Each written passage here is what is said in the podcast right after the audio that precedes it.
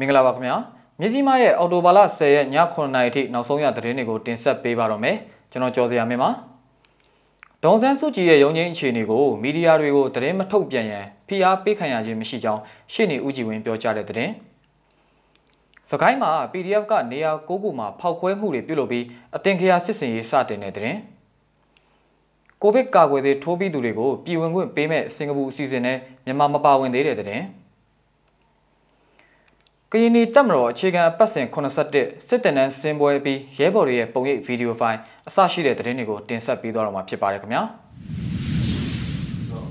ပထမဆုံးသတင်းတစ်ပုဒ်အနေနဲ့ဒေါန်ဆန်းစုကြည်ရဲ့ရုံးချင်းအခြေအနေကိုမီဒီယာတွေကိုသတင်းမထုတ်ပြန်ရန်ဖိအားပေးခံရခြင်းမျိုးမရှိကြောင်းရှေ့နေဦးကြည်ဝင်းပြောကြားတဲ့သတင်းကိုတင်ဆက်ပေးကြပါမယ်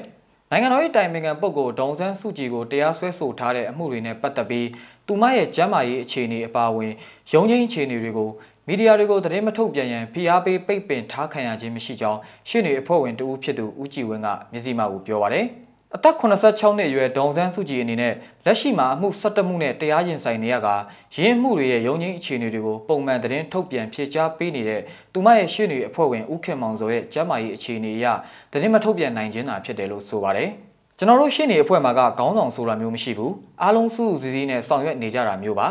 အခုကသတင်းမထုတ်ပြန်တော့ဘူးဆိုတာဘာမှဖြစ်တဲ့ဟာမဟုတ်ဘူး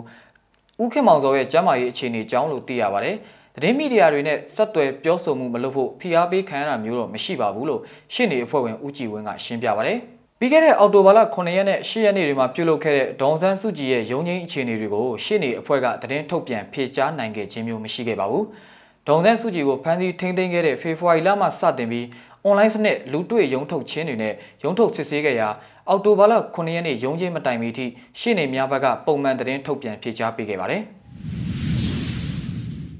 နောက်ထပ်သတင်းတစ်ပုဒ်အနေနဲ့သခိုင်းမှာ PDF ကနေရာ6ခုမှာဖောက်ခွဲမှုတွေပြုလုပ်ပြီးအတင်ခရာစစ်စင်ရေးစတင်တဲ့သတင်းကိုတင်ဆက်ပေးကြပါမယ်။သခိုင်းမြို့မှာယမန်နေ့ကဘုံပေါက်ကွဲမှုပေါင်း9ခုကိုလှုပ်ဆောင်ခဲ့ကြောင်းဒေသခံပျောက်ကြားတပ်ဖွဲ့ကပြောဆိုလိုက်ပြီးတဦးတေဆုံးပြီးတဦးထိခိုက်ဒဏ်ရာရရှိမှုရှိခဲ့ကြောင်းဒေသခံတွေထံကသိရပါဗျ။ မြကြီးမားကောက်ထားတဲ့စရင်ရမနက်၄နာရီ35မိနစ်မှာရဲတပ်ရင်အမှတ်16မှာဘုံတလုံးပေါက်ကွဲခဲ့ပြီးညပိုင်း9နာရီမှ9နာရီ15မိနစ်အတွင်းမှာတော့မြို့နယ်စီပင်ယုံမြို့နယ်တရားရုံးရန်နာဘုံတရားစစ်စေးရေးဂိတ်နန်းစီရီယန်တွေရဲ့အိုးအိမ်တိုက်တန်းမြို့မရဲစခန်းအမှတ်1ဘဒူတိုက်နယ်ရဲကင်းစခန်းမင်းကွန်းတိုက်နယ်စခန်းနဲ့မြို့နယ်အထွေထွေအုပ်ချုပ်ရေးဦးစီးဌာနရုံးတို့မှာဘုံလုံးစီပေါက်ကွဲခဲ့တယ်လို့ကောင်းမှုတော်ဖျားမြောက်ဖက်နီးဘဒူကျေးရွာရှိရဲစခန်းနဲ့ဘူရာနီးပေါက်ကွဲမှုမှာအမျိုးသမီးတဦးတေဆုံးပြီး တဦးဒဏ်ရာရရှိခဲ့တယ်လို့ဒေတာခန်တွေစီကသိရပါဗျ။ယခုဖောက်ခွဲတိုက်ခိုက်မှုတွေကိုစကိုင်းမြို့နယ်အတွင်းမှာရှိတဲ့ PDF တပ်ရင်းတွေ LPD ရဲ့အစုဖွဲ့တွေရဲ့ထုံနှုတ်အင်အားနဲ့အသင်္ကရာစစ်စင်ရေးအဖြစ်အတိပေးဆောင်ရွက်ခဲ့ခြင်းဖြစ်ကြောင်းစကိုင်းမြို့အထူးပျောက်ကြားအဖွဲ့က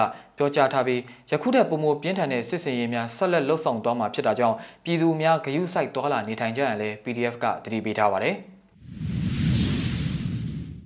နောက်ထပ်သတင်းတစ်ပုဒ်အနေနဲ့ကိုဗစ်ကာကွယ်ဆေးထိုးပြီးသူတွေကိုပြည်ဝင်ခွင့်ပေးမဲ့စင်ကာပူအစီအစဉ်နဲ့မြန်မာမပါဝင်သေးတဲ့သတင်းကိုတင်ဆက်ပေးကြပါမယ်။ COVID-19 ရောဂါကိုရိုနာဗိုင်းရပ်စ်ကာကွယ်ဆေးထိုးပြီးသားသူတွေကိုအသွာလာကန့်သက်ရောဂါစောင့်ကြည့်မှုကွာရတင်းမဝင်ခိုင်းတော့ပဲပြည်ဝင်ခွင့်ပေးမဲ့နိုင်ငံချို့စည်းကိုစင်ကာပူကပြောလာပေမဲ့အဲ့ဒီအထက်မှာမြန်မာနိုင်ငံတော့မပါဝင်လာသေးဘူးလို့ BBC ရဲ့သတင်းသပုတ်မှာဖော်ပြထားပါတယ်။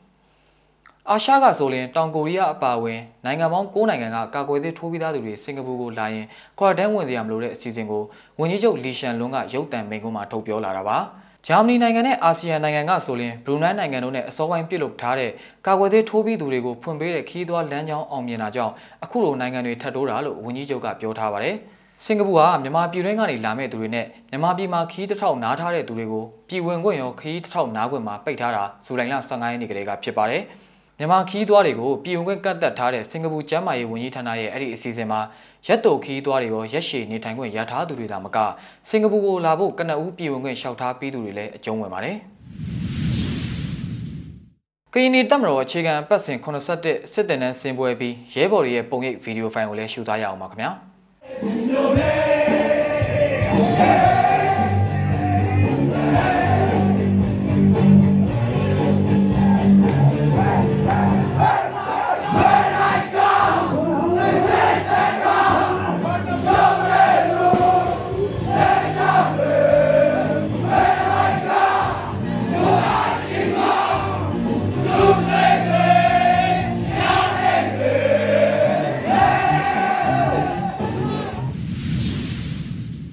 မြစီမရဲ့အော်တိုဘာလ10ရက်ည9:00နာရီထိနောက်ဆုံးရသတင်းတွေကိုတင်ဆက်ပေးခဲ့တာပါ